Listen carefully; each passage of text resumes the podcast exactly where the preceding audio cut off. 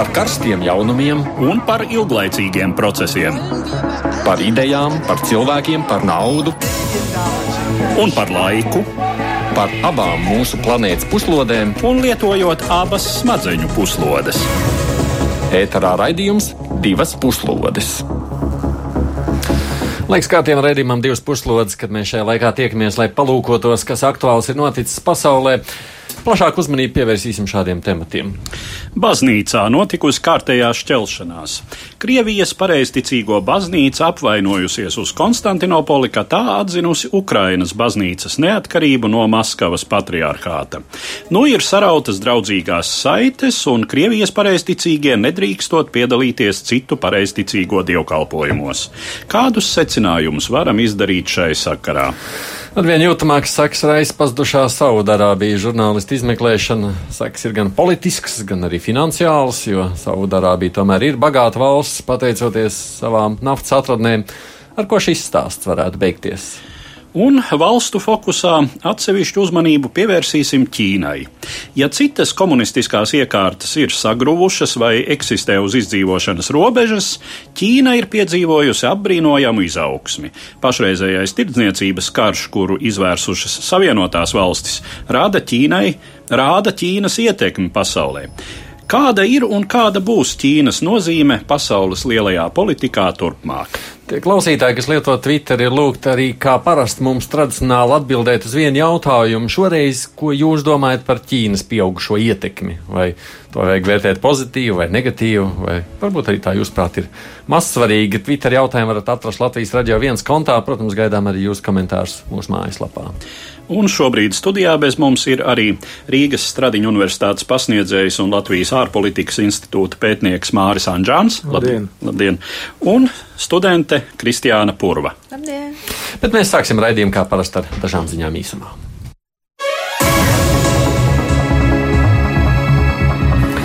Vissāpīgākā ziņa pēdējās dienas laikā ir bijusi no Krievijas anektētās Krīmas, kur slaktiņi savā skolā sarīkoja Kerčs Politehniskās kolēģis šaudzēknis, kā jau dzirdējām, tiek meklēts, vai viņam nav arī kāds līdzzinātājs.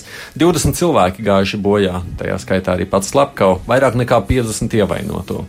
Ja Amerikā šādi gadījumi ir bijuši bieži, tad Eiropas teritorijā tas tomēr ir kas ārkārtējs.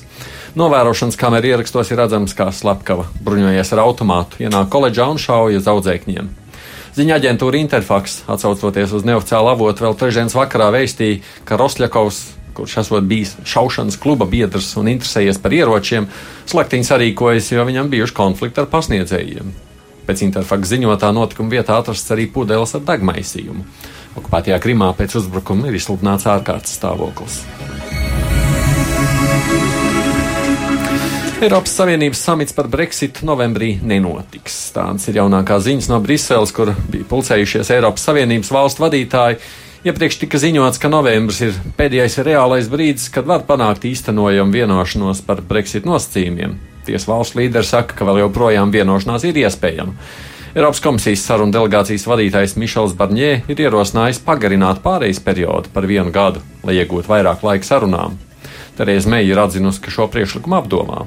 Šajā sakarā interesanti ir aptaujas rezultāti Lielbritānijā. Ja tur vēlreiz notiktu referendums par izstāšanos no Eiropas Savienības, Briti ļoti iespējams nobalsotu par palikšanu Savienībā. Vairāk nekā 50% ir teikuši, ka balsotu par palikšanu, trešdaļa būtu par izstāšanos, bet 11% saka, ka viņiem tad nu būtu jādomā.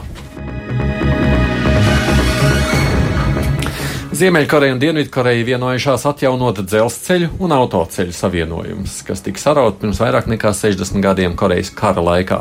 Tāpēc sarunām demilitarizētajā zonā uz abu valstu robežu pirmdien paziņoja Phenjans un Seuls pārstāvi. Šobrīd starp Ziemeļkoreju un Dienvidkoreju nav nekādas satiksmes, jo abas valstis teorētiski ir savstarpējā kara stāvoklī. Ja šī apņemšanās tiks realizēta, tas varētu būt milzīgs solis uz priekšu attiecību normalizēšanā un Ziemeļkorejas atvēršanā pārējai pasaulē.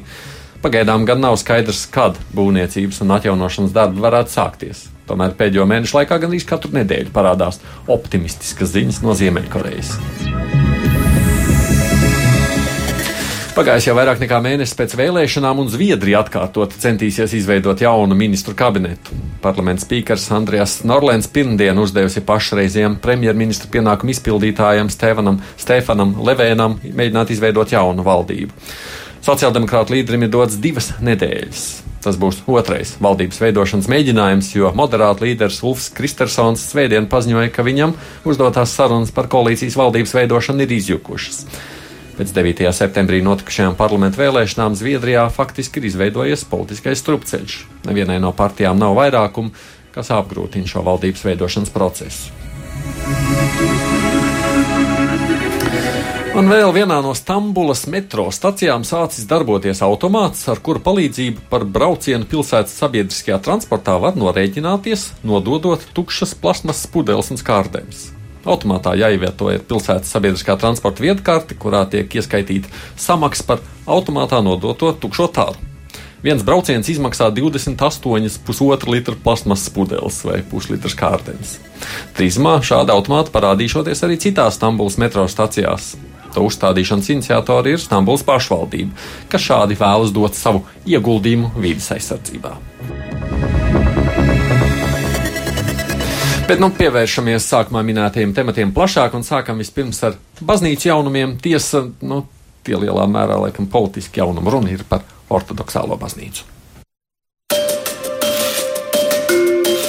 Ukrainas pareizticīgās baznīcas situācija atspoguļo šīs valsts vēstures sarežģīto gaitu. Pašreiz Ukrainā ir trīs pareizticīgās baznīcas. Tiek lēsts, ka 12,000 draugu pieder Ukrainas pareizticīgajai baznīcai, kura pēc 1686. gada Konstantinopolis patriarchāta lēmuma tika nodota Maskavas patriarchāta virspāraudzībā. Pēc 1917. gada revolūcijas, brūkot Krievijas impērijai un Ukrainai mēģinot radīt savu valstiskumu, radās Ukrainas autokefālā pareizticīgā baznīca, kas PSRS tika aizliegta un atjaunoja savu darbību 1990. gadā. Šīs baznīcas draugu skaits ir nepilnu tūkstota liels. Visbeidzot, Ukrainas neatkarības iegūšanas procesā tika izveidota Kijevas patriarchāta Ukrainas pareizticīgā baznīca, kuras draugu skaits šobrīd varētu būt starp 5 un 6 tūkstošiem.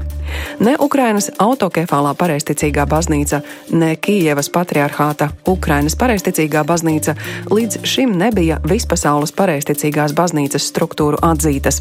Šo situāciju maina 11. oktobrī pasludinātais Konstantinopolis pareizticīgās baznīcas patriārha Bartolomēja paziņojums par autokefālijas piešķiršanu Ukrainas pareizticīgajai baznīcai, respektīvi Maskavas patriārhāta vairāk nekā 300 gadu ilgās virspāraudzības atcelšanu. Tāpat Konstantinopolis patriārhs atzinis līdz šim neatzītās Ukrainas pareizticīgās baznīcas, tā paverot ceļu to apvienošanai. Krievijas pareizticīgā baznīca uz to reaģējusi sasaucot sinodi Baltkrievijas galvaspilsētā Minskā un 15. oktobrī paziņojot par sakaru pārtraukšanu ar Konstantinopolis baznīcu. Šie notikumi jau ieguvuši 2018. gada schizmas apzīmējumu. Atgādini kopā ar mums ir Kristiāna Pūra un Mārs Anžāns. No vienas puses jau tā kā šķiet, ka mums pareizi nu, sabiedriskajā medijā par baznīcu reliģiju lietām vispār nebūtu jārunā. Nu, kas taču mums par daļu vai ne? Vai nu, viņi paši tiek baznīcas. Diezgan galā. nesen mēs diezgan daudz runājām par, par katoļu baznīcas lietām. tā, ka... Kāpēc tā baznīca ir tik ļoti saistīta ar politiku? Var faktiski mēs sakām, ka baznīca jau būtībā ir gatava iesaistīties politikā vai ne? Karā, vai nevarētu pat sacīt tā? Jāsaka, atšķirīgi no valsts uz valsti, jo ir valsts, kur ir ļoti nodalīta uh, valsts un baznīca vai baznīcas, Jā. kā no kur un valsts, kur tā saikne ciešāk, un viena valsts, kur ir tāda izteikti cieša saikne Krievija. Krievijā, nu, bija arī Putina inaugurācija, kas pirmajā rindā sēdēja Kirills, tad uh, patriārhs Maskavas baznīcas, jā, un to Krievijai tas tāds, tāds diezgan saikne cieši. Tas ir valsts jautājums vai baznīcas tieši tādā ziņā, jo Ukrainā jau var tagad izskatās, ka stāsts jau jau nav tikai par baznīcu. Jā. Tur arī stāsta. Ja mēs runājam par pareizticīgo baznīcu, tad tas noteikti ir ne tikai valsts jautājums, bet arī baznīcas jautājums, pie kam uh, baznīcas tradīcija ar ļoti senām saknēm. Uh, faktiski ar saknēm kopš tiem laikiem, kad uh, rietumu kristīgā baznīca izveidoja savu centru Romā, uh, kur tobrīd vairs Romas imperatora sēdekļa nebija, līdz ar to pāvests tur kļuva par lielāko varas autoritāti ar laiku.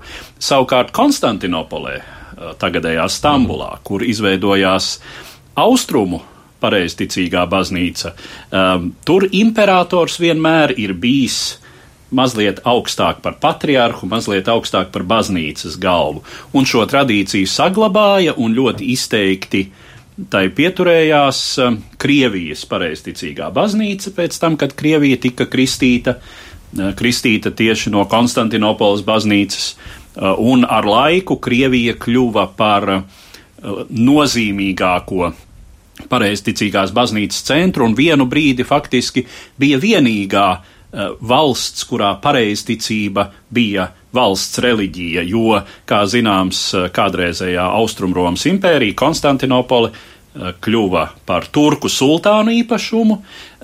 Tāpat, starp citu, Turcijā saglabājās zināma valsts kontrole. Kaut tā bija islāma valsts, bet uh, teiksim, te ir pieminēts tas 1686. gada eh, Konstantinopolis lēmums, tobrīd diezgan loģisks nodot Ukrainas pareizticīgās baznīcas virspārraudzību Maskavas patriarham, kā spēcīgākajam tobrīd pareizticības centram un arī geogrāfiski tuvākajam Ukrainai tobrīd. Un šis lēmums, šim lēmumam bija jāpanāk sultāna vezīra piekrišana. Un tur uh, krievu diplomāti, uh, tā laika Krievijas cara sūtņi, uh, ar to mazliet nodarbojās. Tas bija jau cars Pēters I. Uh, un uh, tā kā Turcija vēlējās tobrīd uzturēt labas attiecības ar Maskavu, tad arī piekrita šim. Konstantinopolis patriarcha lēmumu. Vai jūs kā vēsturnieks, vai ne? Cilvēki šobrīd runā. Jūs neviens nesat pareizticīgie, ne? Neviens. Nē, nē. Nu, varat brīvāk runāt. Tāpēc jautāju.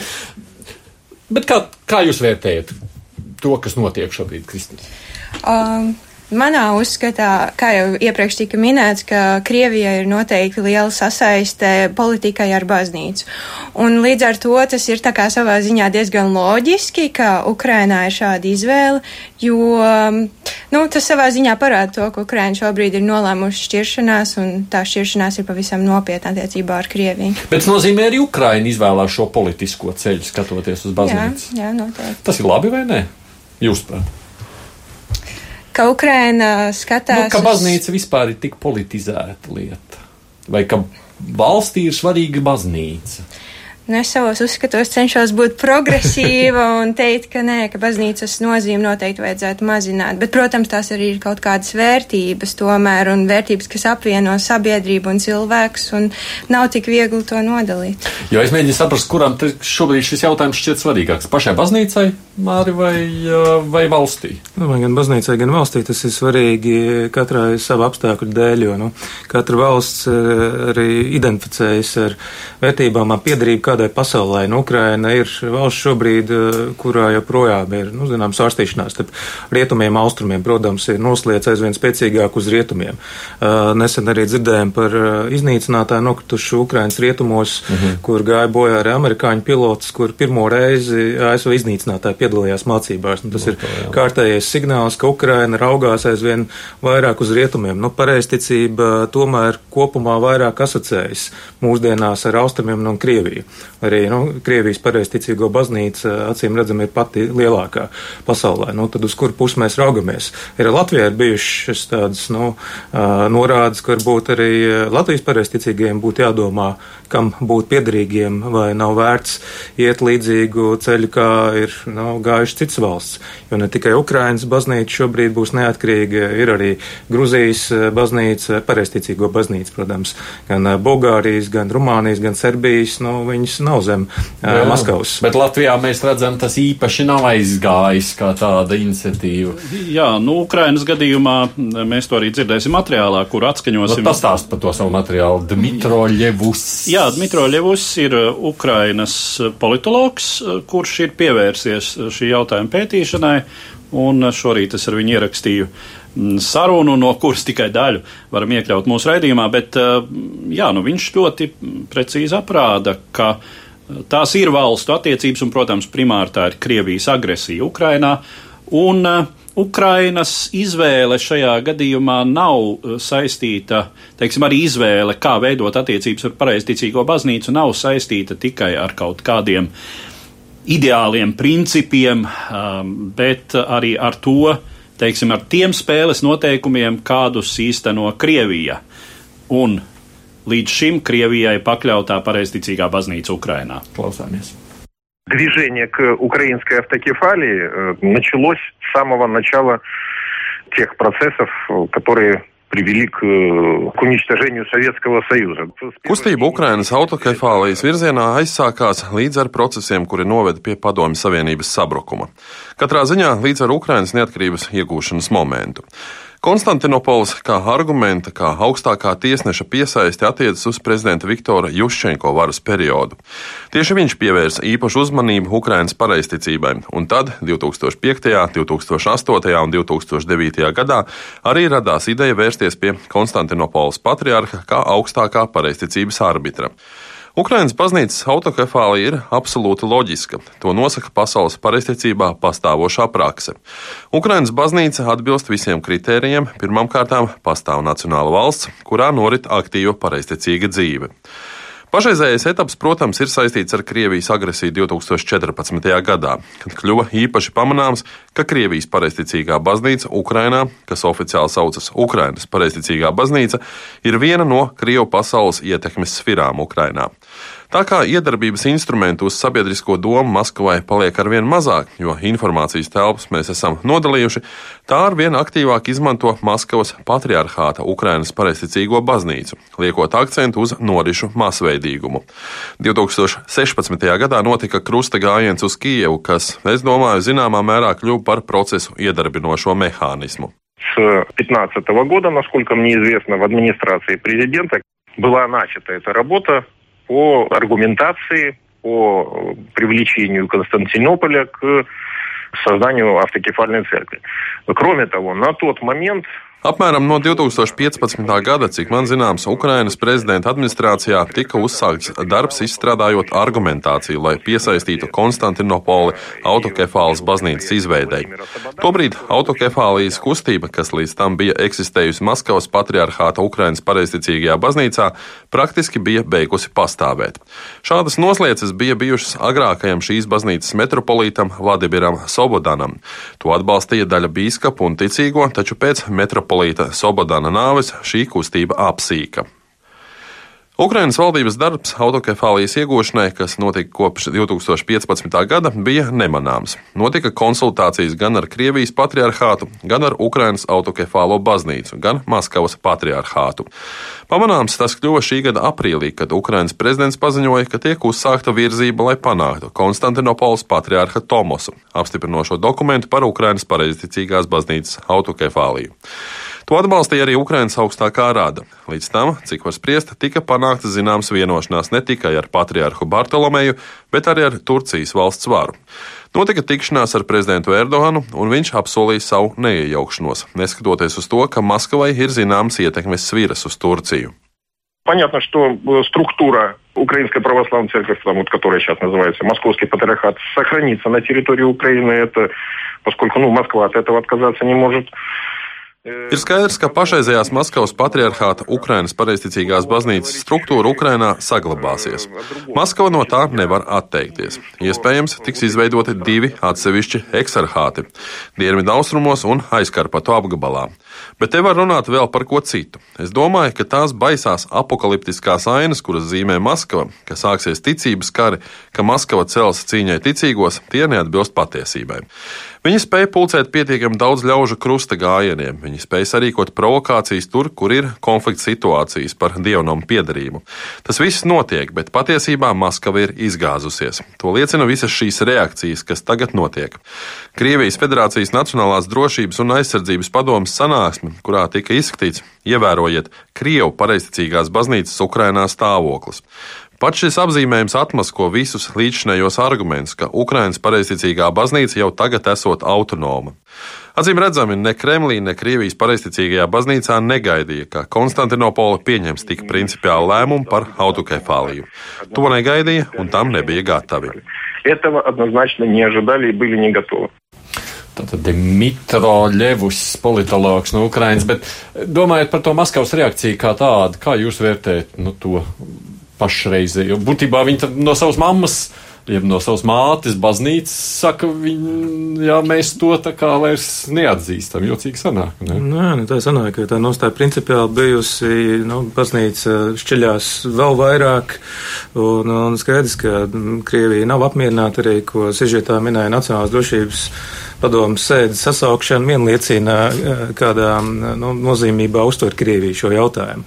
Tas nozīmē arī, ka Ukraina aizvien vairāk un vairāk virzās prom no Krievijas ietekmes. Un, nu, kaut to ir simboliski no vienas puses, bet arī praktiski caur, caur baznīcu. Nešķiet, ka tā ir tāda muļķīga reakcija, Kristiāna? Nu, jā, cerams, ka krusta kari nesāksies, bet. Uh, Jā, visai interesanti, noteikti pārspīlēti, bet uh, var arī saprast no vienas puses, ka tas nozīmē vienkārši varas kaut kādu zaudēšanu. Cik jūs pat ilgstoši tā šķelšanās prognozējāt? Oh, šķelšanās var būt ļoti ilgstoši.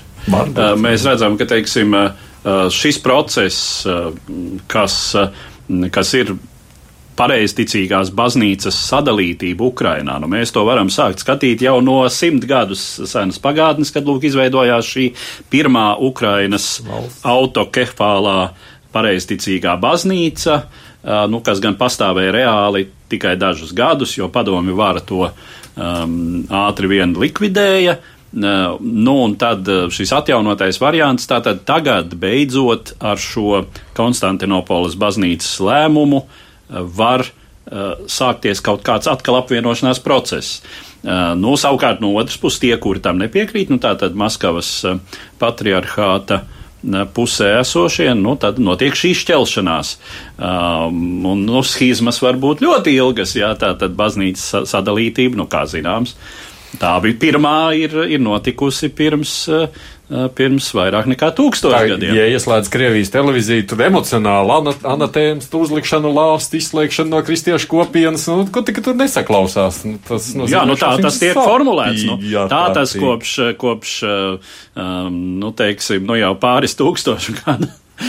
Kristīgajā baznīcā tiek formulēts, ja tu nepiekrīti draudzes nostādnēm, tad tevi izslēdz. Un, pret jā, jā, nu, starp citu zīmīgi, ka šī um, sakaru saraušanas sinode notika nevis Maskavā, uh, bet iespējams pirmoreiz vēsturē vispār ārpus Krievijas teritorijas, tātad Minskā.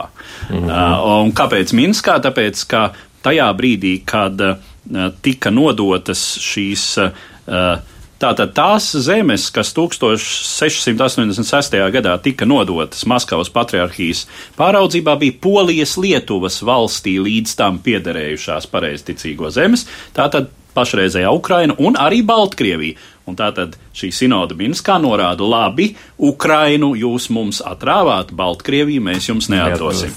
Ir vēl ko piebilst par šo tematu? Ne? Nu, būs interesanti pasakot līdzi, cik miermīlīgas šķiršanās būs. Iespējams, jā, ka daļa draudžu nu, tomēr nepiekritīs uh, pievienoties jaunveidojumai mm -hmm. baznīcai, bet nu, diezin vai ir nu, saskatāms tas, ko Maskavā saskata, ka nu, sāksies kāda nemiera vai līdzīgas lietas. Bet, nu, ne, tas... Ne, tas, tas, kas varbūt, ja tā tad tiek izveidotas vēl šīs šīs divas teritoriālās struktūras, tur, kur um, Maskavas patriarchāta piekritēji ir visvairāk, un tas ir Ukrainas abos galos. Tātad viens ir droši vien tagadējās šo pašpasludināto Donbas. Donbasa republiku teritorija, un varbūt vēl daži pieguļošie rajoni, un uh, otrs ir aizkarpat rajons, kur arī mm, vēsturiski apstākļu dēļ. Uh, Ukrainas, uh, tātad šai Kievas patriarchijas baznīcai nav piekrišanas. Mm -hmm. Nu, labi, mums jāiet uz nākamo tēmu. Ķeramies tālāk, dodamies uz uh, to, kas notiek ap Saudārābijas pazudušo žurnālistu. Domājams, šobrīd retais vairs šaubās par to, ka Saudārābijas valdošās varas kritiķis Džamals Kašogī, kurš kopš 2017. gada dzīvoja Savienotajās valstīs, ir miris.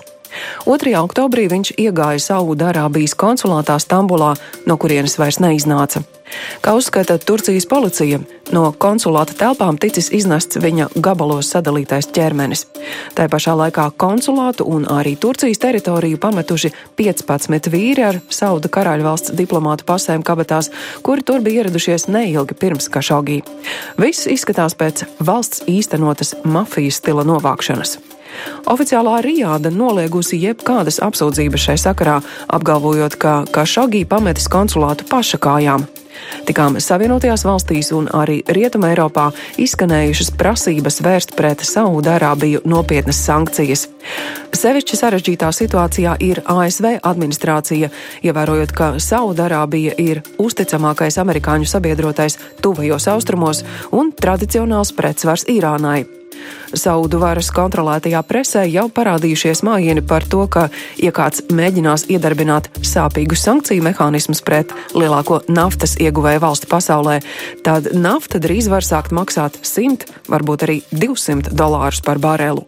Ka situāciju Vašingtonā uztver nopietni, apliecina valsts sekretāra Maika Pompeo šīs nedēļas ārkārtas vizīte Saudārābijā un Turcijā.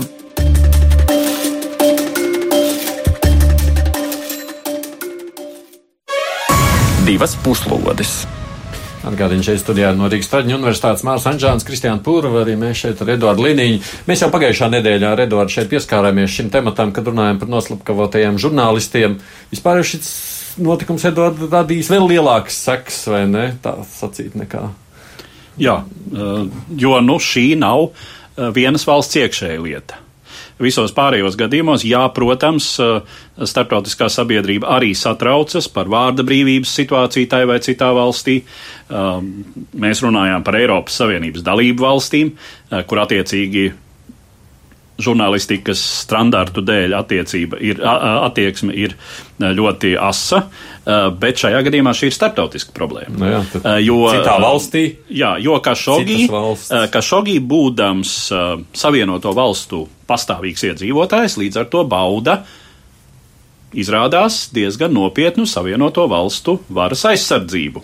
Arī atrastamies ārpus šīs valsts teritorijas, pat ieiedams konsulātā, kas ir viņa dzimtenes suverēna teritorija. Arī tur nu, viņu nedrīkstēja Mm. Pēc patikas uh, Saudārābijas karaļvalsts tā sacīt. Slepkavot. tā nedrīkst apgalvot. Nu, labi, par savienotām valstīm arī, protams, vēl būtu jāpiemina, bet kāpēc Turcija par to raizējas? Jo no vienas puses mēs zinām, Turcijai pašai problēmas ar žurnālistiem, kur tad viņi tik ļoti saspringuši par kādu žurnālistu pazušanu. Nu, nu, nevienai valstī nepatīk, ja viņas teritorijā iespējams tiek noslapkavots eh, kāda cits valsts pilsonis, un to izdara kāda cita valsts. Un, un te jāskatās arī lielāka bilde, kas notiek tuvajos austrumos.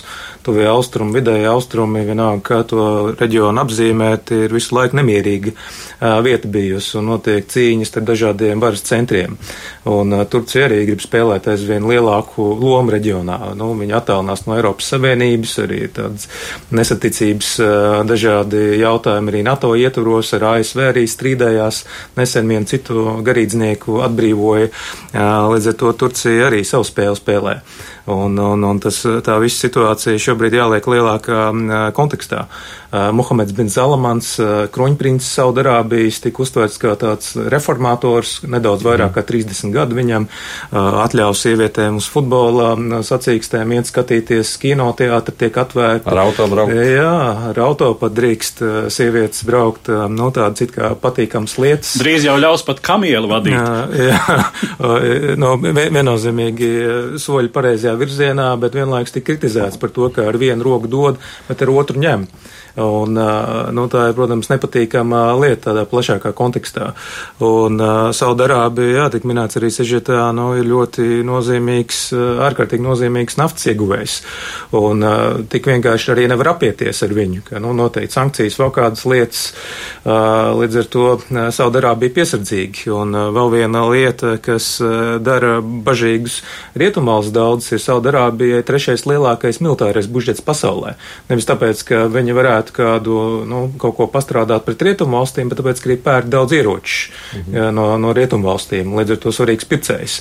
Un vienlaikus, jā, arī ļoti svarīgs sabiedrotais ASV uh, tuvies austrumos. Un atcerēsimies Donalds Trumps, kurā, kur bija pirmā pietura, kur viņš devās uz ārvalstīm. Tā bija tieši Saudarābija, Riāda pirmā, pirmā vieta. Līdz ar to arī šobrīd viņam ir jāatrod tāds, jāizlaipo tāds vidusceļš. Parādīt pirksts Saudarābijā un vienlaikus arī pārāk um, nenokaitināt. Par to viņa laipošanu šobrīd diezgan daudz runā paši Amerikas mēdīji, sakot, ka, lūk, šobrīd Trumpa nostāja Kāda ir Trumpa nostāja? Ko jūs sakāt? Jo Trumps faktiski, nu, tā kā jā, vajadzētu reaģēt, no otras puses varat kaut ko sacīt šajā kontekstā?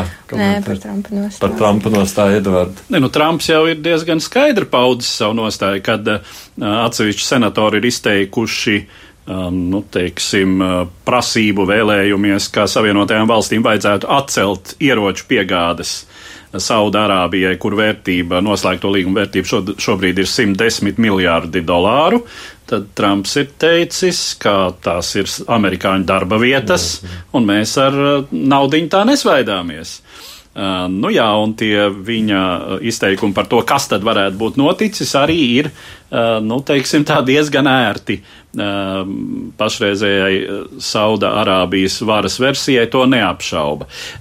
Runājot par Turcijas nostāju un pozicionēšanos, te ir jāņem vērā uh, attiecības, kādas valda islāma pasaules iekšienē, kas mums no ārpuses bieži vien tādā populārā līmenī šķiet uh, ļoti monolīts uh, veselums. Tātad islāma pasaule, kas kas ir vērsta tā kā pret visu pārējo ārpasauli. Tas tā nav. Un arī kas tad ir Džamals Kašogi? Viņš ir ilgi bijis saudu valdošās ģimenes. Uzticības persona, var teikt, preses sfērā.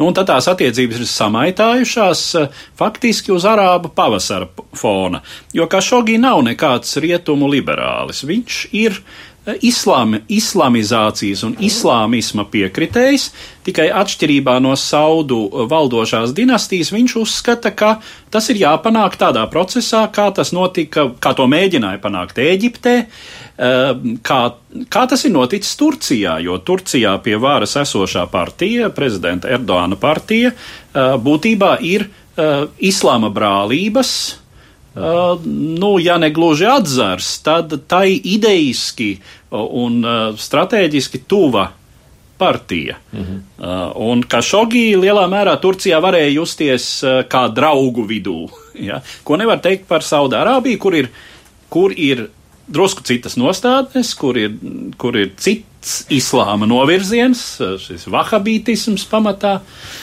Jūs versijas, kā šis viss beigsies? Nu, šobrīd parādījās ziņas, ka Trumps prasa, kur ir ieraksti, nu, kas ir izskanējuši Turcijas medijos, ka esot iespējami audio ieraksti un ne tikai, kur ir nu, dzirdams eh, šīs baisās lietas, kas uh, žurnālisti ir notikušas.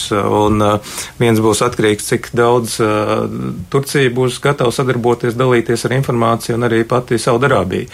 Cik daudz viņi būs gatavi atzīt, bet nu, man prognoze būtu tāda, ka ASV jo īpaši parādīs ar pirkstu pakratīs tā, nu, diezgan, diezgan pamatīgi. Saudarābijai mēģinās novaukt robežu, ko drīkst darīt un ko nedrīkst darīt, nu, lai neiziet ārpus robežām.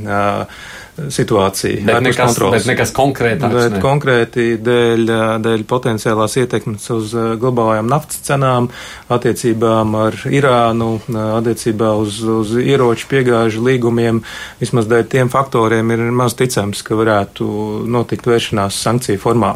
Viss kaut kas ir iespējams, bet drīz, mm. drīzāk, ka nē.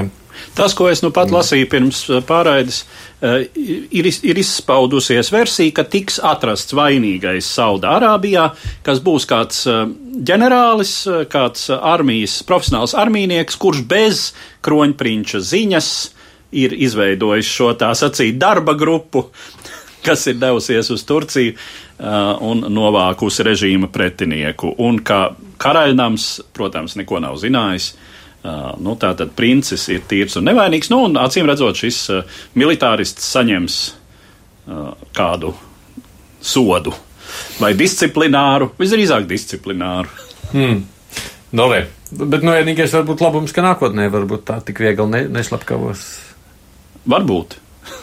Varbūt. Naftas cenām nekas ne, nu, te, te ir jautājums par, par to, faktiski, kāda ir valsts sistēma. Nu, jāņem vērā tas, ka Uh, Sauda Arābijā, tās sabiedrībā joprojām šā, tieši šāda karaļnama rīcība pret tās kritiķi un atkritēju bijušo varai pietuvināto, kas ir kļuvis par tās pretinieku, tiek uztverta visdrīzāk kā pareiza, leģitīma, ka tieši tā varai ir jādara. Tā nav Eiropa. Mums ir laiks vēl vienam tematam, un šoreiz valsts fokusā esam nolēmuši pievērst lielāku uzmanību Ķīnai.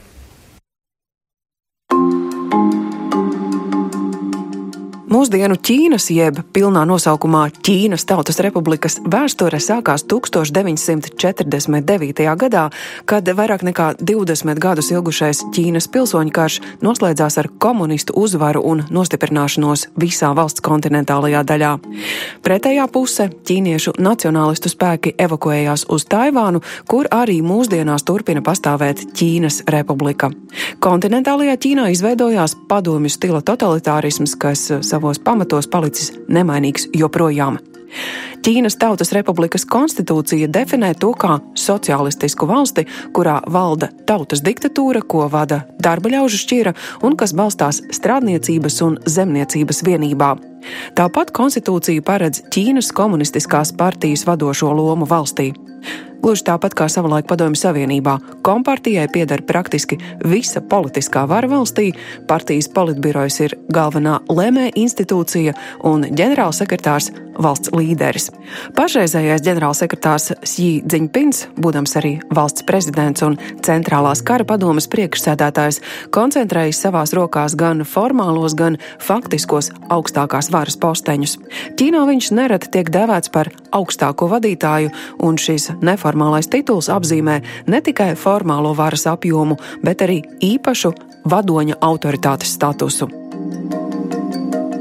Komunistu varas pirmā desmitgade nesa dramatiskas pārmaiņas pirmām kārtām Ķīnas laukiem, kur tika līdz pamatiem noārdīta agrākā pusfeodālā īpašuma attiecību sistēma.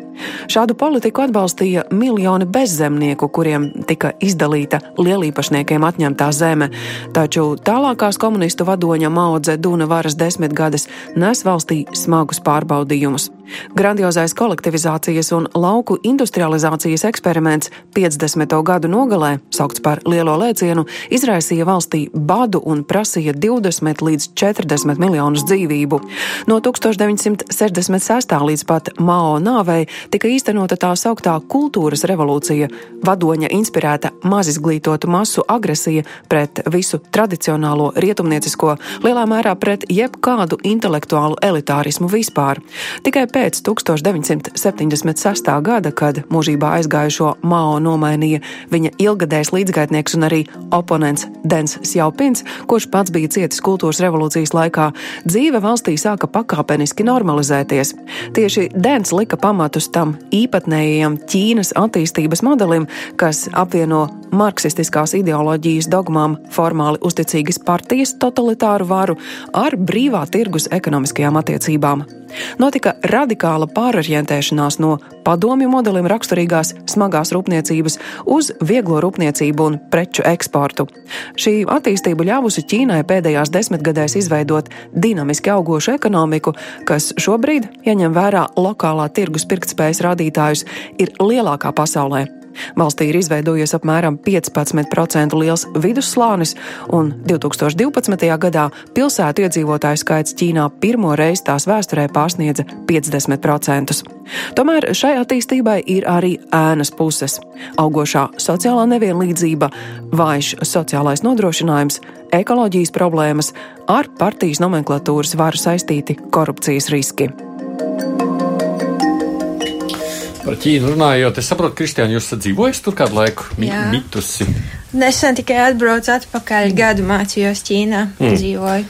Tad jūs jutāties kā komunistiskā zemē vai, vai kapitālistiskā tagad? Jā, es jau smējos, man bija tāds, kā man ir, bij, nav bijis iespēja dzīvot komunistiskā valstī, es esmu tik jauna vēl, tāpēc man bija prieks savā ziņā redzēt, ka būs, nu, kaut kā interesanti redzēt, kā ir dzīvot sabiedrībā, kur ir komunistiski, un es aizbraucu, un liels bija mans pārsteigums, ka tā bija vēl kapitalistiskāka, ka Neko, Jā. bet tad var izjust, ka viņi vispār ir kaut kādā veidā komunisti, vai tā ir tikai tāda izkārtne kaut kur? Nu, tas, ka visur bija sarkanā krāsa, bet nekas cits. Nekas cits? Es neteiktu. Jā. Kāpēc vispār tā sanāca, ka Ķīnas komunisms izrādījās tāds dzīvotspējīgs? Jo mēs runājam par komunistiskām iekārtām, kuras bruka nojuka, nu vai tur vēl daži šobrīd velk savu dzīvību, nu, un šī nē. Acīm redzot, tas iemesls ir kādi citi teiksim, pašizjūtas kritēriji, nu, kā teiksim, sabiedrība vērtē savu situāciju, kā tā uz visu raugās. Ķīnas sabiedrībā nu, tās, tās gadu tūkstošiem, jāsaka, iestrādātās tradīcijas, mm, ar vispār ar, ar teiksim, attieksmi pret to, uh, kas, ir, kas, ir, kas ir novitāte, kas ir konservatīvisms. Daudz, teiksim, augstāk tiek vērtēta, tiek, tiek vērtēts jau sasniegtais. Um, pagātnē izdarītais nekā kaut kāda nākotnes perspektīva. Kādu nosaukt šo režīmu? Kas tas ir? Mm, jā, jā, nu īsti komunisms tas nav vairs arī esot tur. Nu, Nav, nav tādas nu, pazīmes vērojams, kā varētu sagaidīt, nu, kā tas būtu Ziemeļkorejā vai kādās citās valstīs, kas vēl uzskata par socialistiskām vai komunistiskām. Bet arī atskatoties mirkli atpakaļ, tā robežšķietne bija augstāka ar beigas. Padomu Savienība, Krievija pēc tam, kā izveidojas, izvēlējās vai, vai tā nu sanāca situācija vienu veidu, kā transformēties, atvērties pasaulē, tad Ķīna to ceļu izvēlējās daudz pakāpeniskāku. Tātad, nu, nevis uzreiz straujas reformas veikt un pāriet uz pasaulē valdošo tād, tirgus ekonomiku, privā tirgus ekonomiku, bet ļoti pakāpeniski atvērt uh, savus robežas. Uh, un rezultāts arī ir tāds, kāds viņš ir šobrīd. Mm. Tātad nav tik komunistiska valsts, kā tas varētu šķist. Valda pietiekami plaši brīvā tirgus principi, bet ir jomas, ko valsts diezgan stingri kontrolē joprojām. Tātad valsts kontrolē politiku. Ļoti lielā mērā ir pilsoņu brīvības tiesības ierobežotas, ne tikai minoritātes, kas, kas uiguri vai, vai tibetieši zinām vislabāk, bet nu, arī visa sabiedrība kopumā. Nu jā, ka visu savu internetu cenzūru un pārējām lietām. Bet dzīvojot uz vietas, ir tāda sajūta, nu, ka šī ir tāda valsts, kura ir liela, ietekmīga un audzēja savu ietekmi. Es dzīvoju tādā pilsētā, kas tikai bija attīstības procesā, un noteikti tas, kas bija liels pārsteigums pretstatā Latvijai, cik salīdzinoši lēni viss šeit notiek un ceļās, ir tas, ka tev acu priekšā vienkārši ēkas būvējās pilsētu un tik, tik tā viegli pateikt, o, oh, mēs izveidosim jaunu metro līniju tur, un tur būvējās pilsētu, un tā aizbrauc pēc mēneša, un tur jau ir vairākas augstceltnes uzbūvētas. Tā ka no tāda aspekta noteikti jā, bet no otras mums arī arī valodas stundās, un ļoti daudz var pamanīt to propagandu un to, ka tev vajag uztvert, ka Ķīna ir augoša, augoša, bet vajag tādu pietāti nedaudz, un uh, ka viņi tādi, jā, jā, mēs saprotam, bet, bet mēs lēnām tā augam. Mm. Nu, nav tā. Kā mēs vērtēt varam to au pieaugušo ietekmi tomēr, jo šķiet, ka viņa pieaug, vai ne? Nu, viennozīmīgi Ķīnas ietekme auga visās plaknēs, ir gan politiskā, militārā, ekonomiskā ietekme. Ķīna ir otra lielākā ekonomika pasaulē. Mēs ikdienā aizvien vairāk redzam, ka nav ražots Ķīnā vairs tik nekvalitīvas preces, aizvien mm -hmm. augstākas kvalitātes jā, preces. Pirms gadiem 15 bija baili, jebko, kas jā, ir no Ķīnas. Nu, redz, nu, jau, nu jau otrais lielākais telefonu ražotājs pasaulē, daudz arī Latvijā, Lietuvā un ne tikai ļoti attīst mākslīgā intelekta risinājumus, attīsta jaunas autobūvas paveidas, nu, pamatā elektromobīļus ļoti aktīvi strādā, tāpat arī Ķīnas globālās ambīcijas aug. Ir, nu, zinām, ir konflikti jauni, kur veidojās vai tiek uzturēti vecie Dienvidķīnas jūra, kur tiek uz, uz, uz rifiem būvētas salas, tad tiek sūknēta zeme no, no, no jūras grunts un tiek veidots salas, uz kurām tiek veidot lidlauki un dažādas militārās sistēmas. Tāpat arī Ķīna atvēra loģistikas bāzi, nu, tiek saukt par militāru bāzi Džibutī, Āfrikā Atcerēsimies arī Ķīnas kuģi Baltijas jūrā ienāca trīs un arī, arī, arī Rīgā. Nu, tas nenozīmē, ka mums jāuztver kā tāds tieši apdraudējums, bet ar Ķīnu jārēķinās. Ķīnas var aug, Ķīna nekur nepazudīs, ir jāmācās ar viņu sadzīvot. Skaidrs, mm. ka vērtību sistēma ir pilnīgi cita, intereses arī ir citas nekā Latvijai un Rietumu pasaulē, kurai mēs piedarām. Un tuvākajos gados būs ne tikai starp ASV un Ķīnu, tirdzniecības karu un citu veidu konfrontāciju, bet nu, noteikti arī būs jautājums par vērtībām nu, starptautiskajā pārvaldībā. ANO ietvaros Ķīna arī cenšas nu, veidot aizvien lielāku ietekmi un lielā mērā jāaizmirst Krieviju tādā globālā mērā. Mm. Krievija ir kaut kāda 12. lielākā ekonomika pasaulē, un uh, nauda pasaulē daudz ko nozīmē. Nav naudas, nav bruņoties spēki, nav naudas, nav, nav politiskās ietekmes tik liels. Līdz ar to Ķīna nostājas, viņa jau faktiski nostājusies blakus uh, Amerikas Savienotajām valstīm. Un tad, nu, Eiropa jautājums, cik vienota būs, lai varētu tur kaut kur tūmā stāvēt. Mums uh, prasījām Twitterī klausītājiem, tiem balsot, kā viņi vērtē šo pieaugušo Ķīnas ietekmi pasaulē, cik tas ir pozitīvi vai negatīvi. Nu, tad tiem 80 gan balsotājiem, kas šobrīd ir balsojuši, 63%, ja divas trešdaļas skatās uz to negatīvi, ja piesardzīgi bažoties par to, ka šī Ķīnas ietekme pieaug. Mūs arī šobrīd dzird no Rīgas Staļņu universitātes Ķīnas studiju centra vadītāja un Aleksandra Bēziņa Čerenkova. Halo! Sveicināti! Man ir jāatvainojas, man ir iespējas sekot līdzi diskusiju tieši joslas un ceļu iniciatīvai veltītā uh, apļā galda diskusijā Berlīnā šobrīd. Uh, bet tātad es saprotu, ka jautājums par to, vai Ķīnas ietekme pasaulē pieaug, ir atrisināts, un nu, atbildi ir jā. Pieaugt jau tā pieaug, bet vai mums jābažās par to, ka viņa pieaug? Jā, nu, lai atbildētu uz šo jautājumu, domāju, mums ir jā, jāsadala tas trijās daļās. Pirmkārt, ko šī pieaugušā ietekme nozīmē pašai Ķīnai, proti, ko tā grib, jā, kāda ir tās mērķi. Otrakārt, ko tas nozīmē Eiropai. Uh, un Eiropas Savienībai, kas, nav, kas vēl nav un vairs nav sinonīmi. Un, ko tas nozīmē, ko šī Ķīnas pieaugušā ietekme nozīmē Latvijai? Ja? Tad varbūt soli pa solim uh, iziesim tam cauri. Nu, Ķīna, protams, grib pirmkārt ir simboliskais mērķis, kļūt pamanāmākai, kļūt par pasaules globālās kārtības aktīvu dalībnieku un veidotāju. Ja, un tā ir Sīdņpīna politika, ar kuru viņš iziet jau kopš 13, 12. un 13. gada.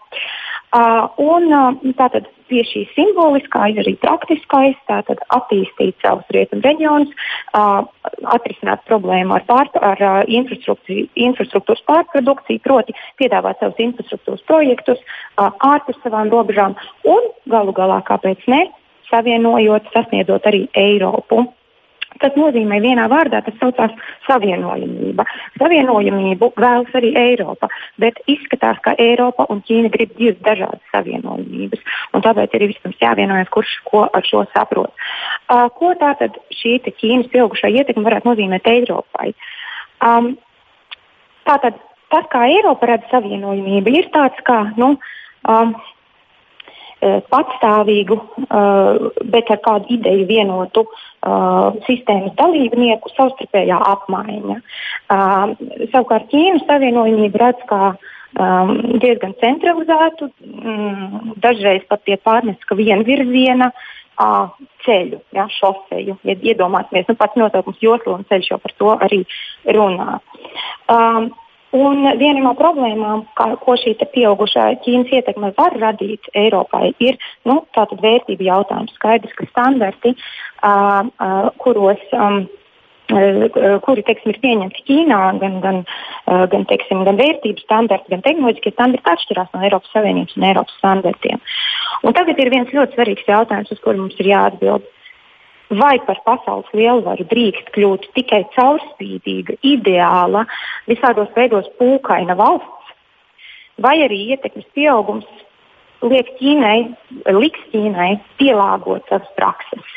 Uh, un uh, teiksim, iziet un, un varbūt uzlaboties uh, tajās sfērās, kur arī pati Ķīna atzīst, ka ir vēl daudz ko labot. Un tātad, un, un, neat, un neatbildot uz šo jautājumu, mums īsti nav, nu, mēs, mēs esam strupceļā. Ja? Tātad, vai mēs varam pieļaut neideāla, nepūkaina, diezgan pārliecināta spēlētāja ienākšanu uh, nu, pasaules teiksim, līderu pozīcijā. Un šeit ir tas jautājums, vai tā Ķīnas globālā ietekme var nodarīt vairāk ļauna vai vairāk laba. Mm. Atkarībā no tā, kā mēs priekšsēdus atbildam uz šo jautājumu. Nu, ko tas varētu nozīmēt Latvijai? Gribat dzirdēt, vai ir kāds precīzāks Tikai jautājums? Tikai būs īsi jāatbild. Sarunāts. Uh, tātad, nu, sāksim to, ka Latvija nav Ķīnas iniciatīvas centrā. Jā? Kaut arī mēs par tām dzirdam ar vien vairāk un vairāk. Un tāpēc Latvijai no pragmatiskā viedokļa mums ir sfēras, kurās mums vajag un, un kurās mēs gribam sadarboties ar Ķīnu. Ja? Tas pats transports. Uh, un, bet mēs nedrīkstam pieļaut, lai Ķīnas ietekmes pieaugums nozīmētu Eiropas šķelšanos. Un tāpēc tas mans, nu, tie mani ceļvārdi ir sirdī turot Lisabonas līgumu, sadarbojamies ar Ķīnu. Mm. Paldies, un Aleksandra Bērziņa Šerinkova no Ķīnas studiju centra, tā centra vadītāja.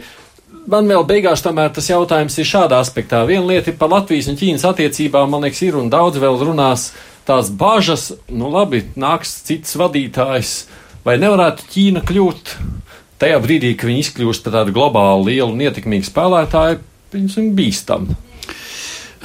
nu, tas ir jautājums par to, teiksim tā, vēsturiski nav šāda precedenta. Viņiem nav bijušas tādas ambīcijas? Jā, tieši tā uz to varētu atbildēt.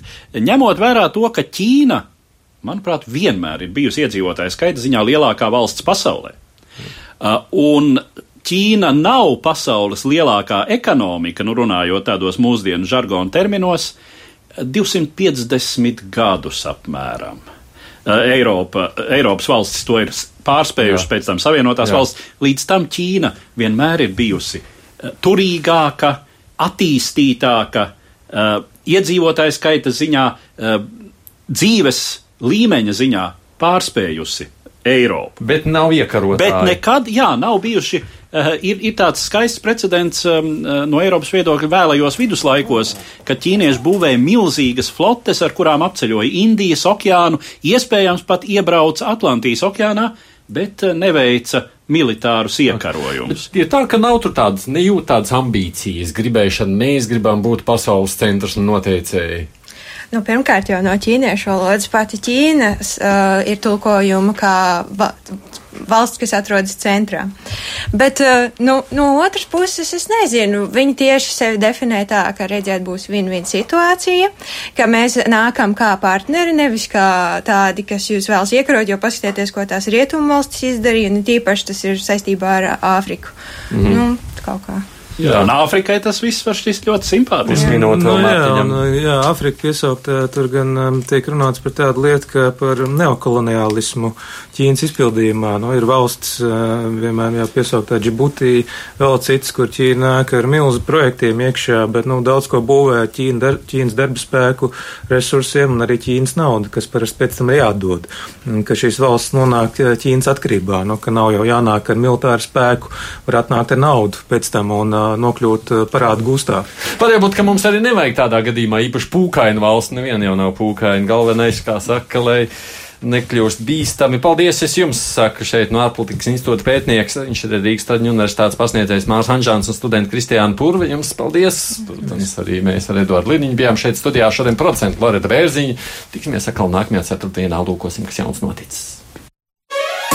Divas puslodes!